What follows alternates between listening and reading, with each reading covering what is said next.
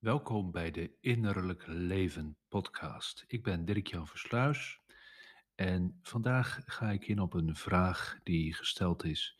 Moet je eigenlijk naar je grenzen luisteren of moet je die grenzen oprekken en misschien wel verleggen of zelfs forceren? Ik vind het een hele goede vraag die best wel fundamenteel is in zowel persoonlijke ontwikkeling als ook in therapeutische invalshoeken, therapie. Ehm, en ik moest meteen denken bij deze vraag aan een gesprek dat ik eens had met een uh, wetenschapper die, uh, laat ik zeggen, wat, wat moeite had met de sociale wetenschappen. Hij vond het eigenlijk geen echte wetenschap, deed daar uh, een beetje nou, op een leuke manier belachelijk over en vond psychologie en psychologen eigenlijk ook maar niks. Vond het een beetje pseudo-wetenschap allemaal. En uh, deed zelf veel uh, tastbaarder dingen op het wetenschappelijk vlak. En kwam op een gegeven moment ook met de ervaring van ja, dan zie ik al die vrouwen van een jaar of 30, 40, uh, 45 ergens uh, vastlopen met, omdat ze kinderen hebben en het niet meer overzien of hun gezin en hun werk niet samen, wat dan ook.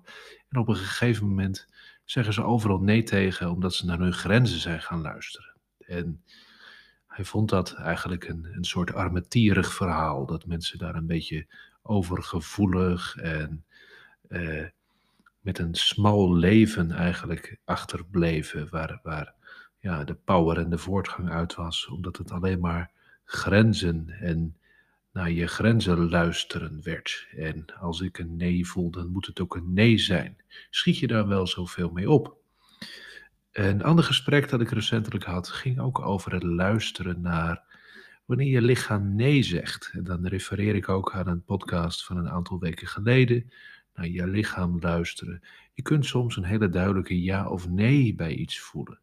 En hoe weet je nu of dat angst is, waar je misschien wel even doorheen moet, en hoe weet je dat het iets is wat je eigenlijk juist niet moet forceren en waar je naar moet luisteren? Nou, ik denk dat dit uh, hele belangrijke vragen zijn, waar ik ook niet een uh, uh, eensluidend antwoord voor jouw individuele casus, jouw individuele situatie op dit moment op kan geven. Ik kan je wel wat invalshoeken geven bij hoe dit wellicht in elkaar zit en hoe dit in de praktijk kan gaan en waar je dan het beste bewust van kunt zijn. Om te beginnen, uh, wat zijn grenzen eigenlijk? En dat is eigenlijk wel grappig dat het ook verband houdt met de aflevering van vorige week. Moet je graven in je verleden. Uh, dat ging eigenlijk over de grond waarop we staan, de grond waarop we leven. En je zou kunnen zeggen, grenzen bepalen ook eigenlijk een land of een bepaald gebied, een territorium. En wanneer we naar het hele aardoppervlak kijken, zou je kunnen zeggen, die grenzen, dat is mensenwerk. De grens Nederland-België of Nederland-Duitsland, dat is allemaal menselijk gecreëerd. Want wij hebben die grens gemaakt en het is dat de, de, de, de wegwijzers en de verkeersborden en de, en de stoplichten er anders uitzien, maar anders zou je daar niet zoveel verschil in zien. Daar valt wat voor te zeggen. Uh, grenzen kunnen dus zeker ook gecreëerd zijn. En daarom zijn grenzen vaak ook uit te dagen. Uh, wanneer je in een sportschool komt en je zou daar vertellen: jullie moeten hier allemaal, terwijl je aan de gewichten hangt, heel goed naar je grenzen luisteren. Dan denk ik dat de sportschoolhouder uh, daar wel wat commentaar op zou hebben. Want wanneer je die grenzen niet opzoekt, dan kom je ook niet verder. Dus grenzen opzoeken heeft iets van de groei in zich. En wanneer grenzen dus gecreëerd zijn, dus het zijn niet onze natuurlijke grenzen, maar ze zijn misschien door vorming of opvoeding of educatie ingegeven, dan kan het niet zo slecht zijn om die piketpaaltjes eens te verzetten. Al is het maar om beter te vinden wat eigenlijk je natuurlijke territorium is, hoe ver je kunt reiken. Zoals je bijvoorbeeld je beenspieren, je hamstrings kunt stretchen. Je zoekt waar zit de grens en je respecteert die grens. En toch er nog eens een paar keer adem te halen en even het ongemak te verdragen, rek je hem ook een beetje op. Niet omdat je uiteindelijk een Olympische turner zult worden misschien, maar gewoon omdat je daarmee ook jezelf een beetje leert kennen. Waar liggen mijn grenzen? Wat is eigenlijk mijn comfortzone en wanneer kom ik daar buiten? Ik denk voor persoonlijke groei dat het belangrijk is om je comfortzone te kennen. Uh, ten eerste omdat het je bepaalt bij uh, waar je je vertrouwd en heimisch voelt. Ten tweede ook wanneer je wilt groeien, dat je eigenlijk weet dat je toch een stukje buiten die comfortzone wilt zijn, omdat je daar de nieuwe ervaringen en de groeiende bewustzijnservaringen opdoet. En ga je daar te ver buiten, kom je natuurlijk in onveilig gebied waar eigenlijk je overlevingsreacties getriggerd worden.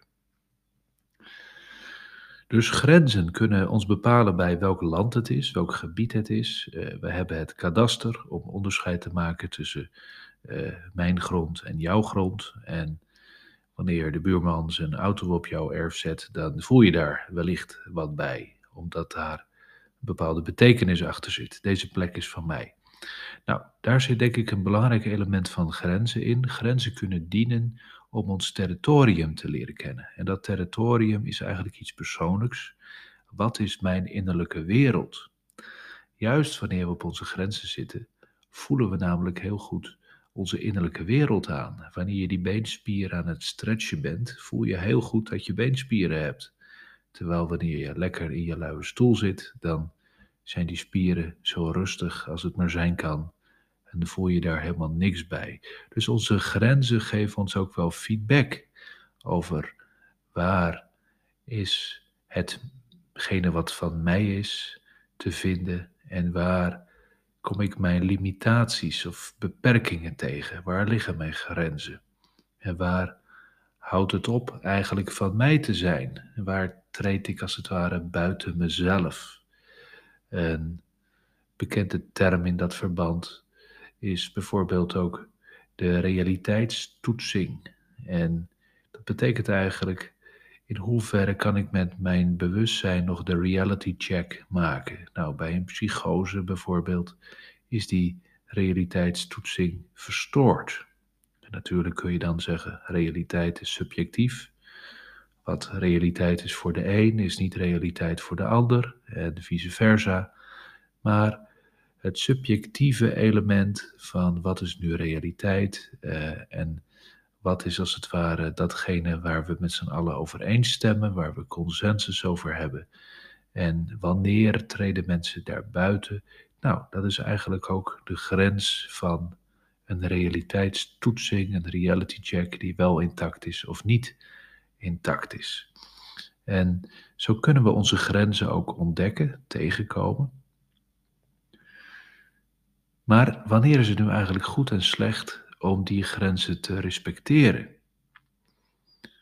Wil je, zoals in oorlogssituaties, de grenzen over en een bepaalde strijd aangaan? Misschien om een conflict uit te vechten en te herdefiniëren waar de landsgrenzen lagen?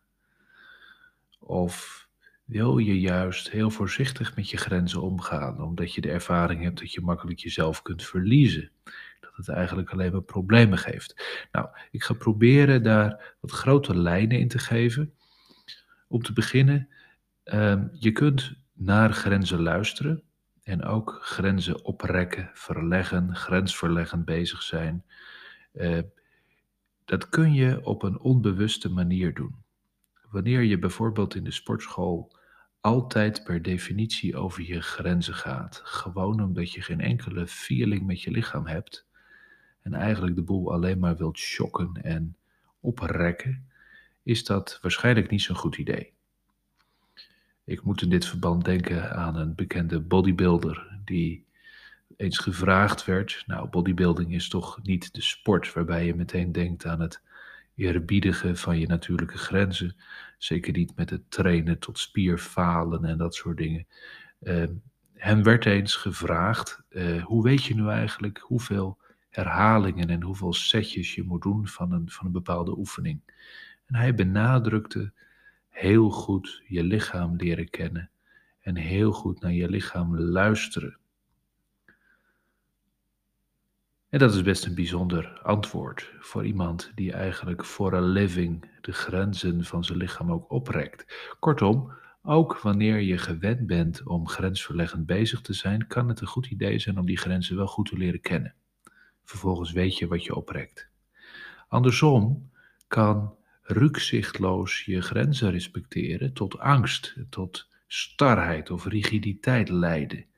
Wanneer je bijvoorbeeld een burn-out hebt gehad op je dertigste en op je 42ste of 43ste, durf je nog steeds niet te veel hooi op je vork te nemen. Simpelweg omdat je uit de sfeer wilt blijven waar het misschien weer in de gevarenzone raakt. Dan leidt het tot een bepaalde verkramping.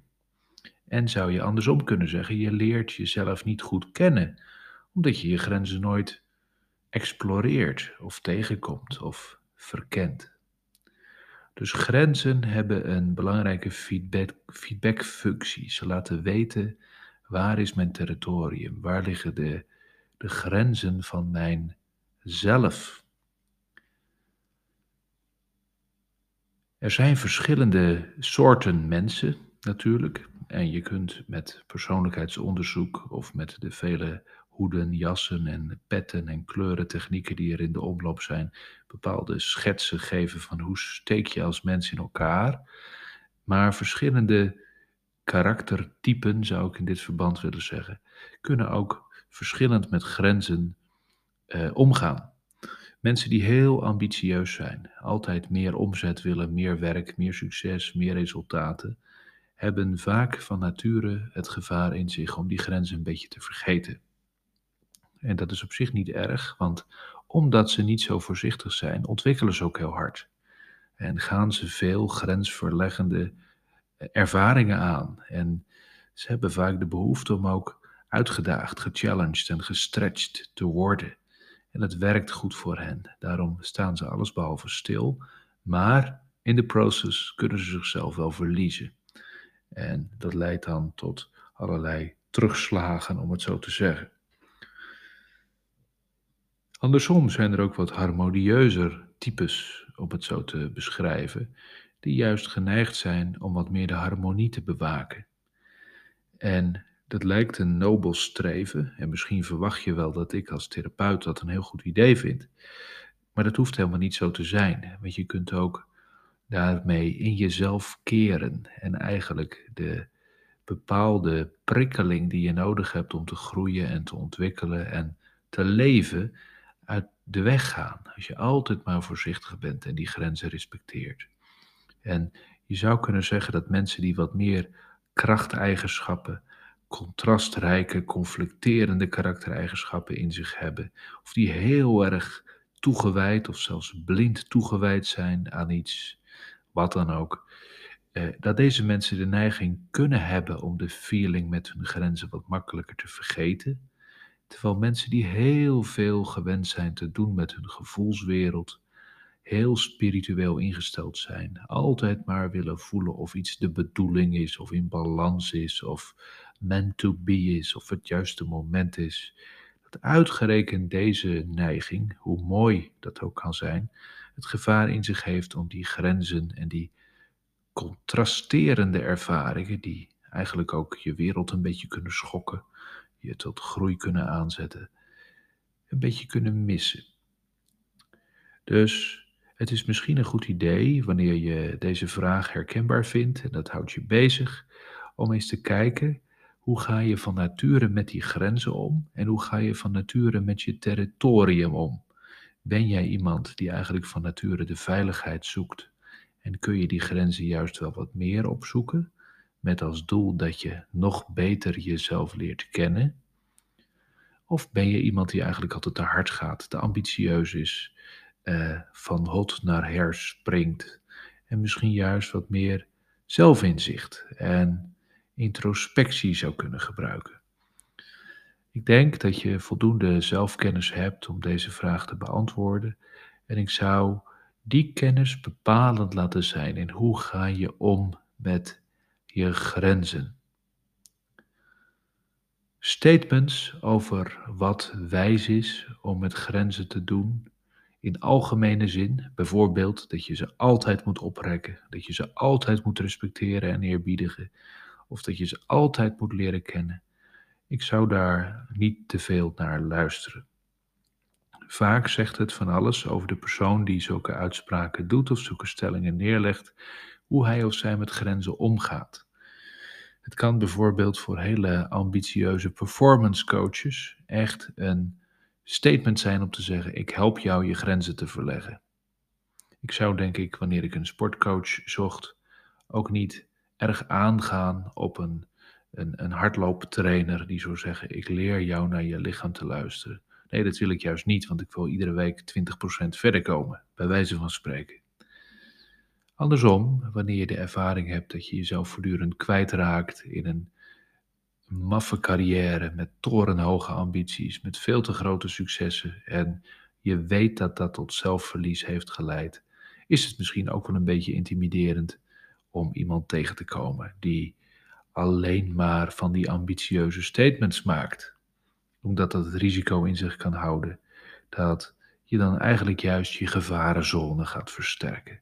Terwijl het voor jou wellicht beter zou zijn om wel eens die grenzen te gaan leren kennen, zodat je jezelf beter leert kennen en van daaruit weer verder kunt bouwen en verder kunt groeien. Ten slotte nog een wat verdiepend perspectief. Uh, ik denk dat wij grenzen vaak benaderen vanuit een soort lineair idee.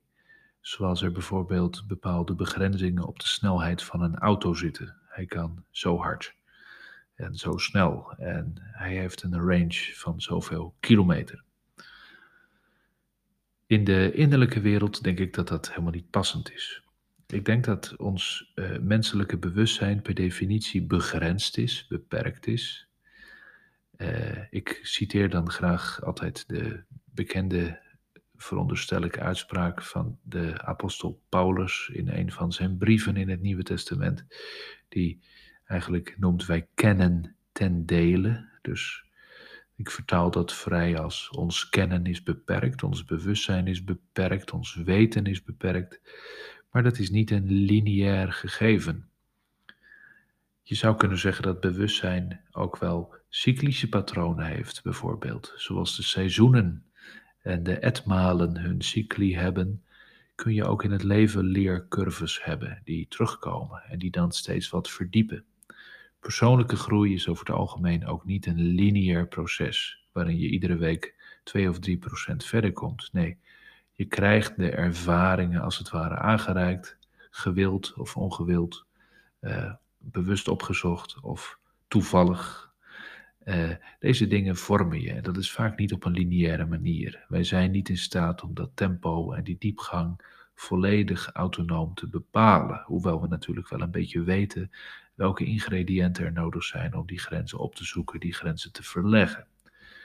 Kortom, lineair denken over grenzen is eigenlijk in mijn ogen een beetje de beperkende context van hoe we van onze bewuste gedachtenwereld uit naar deze dingen kijken. Het is een beetje een ego-perspectief.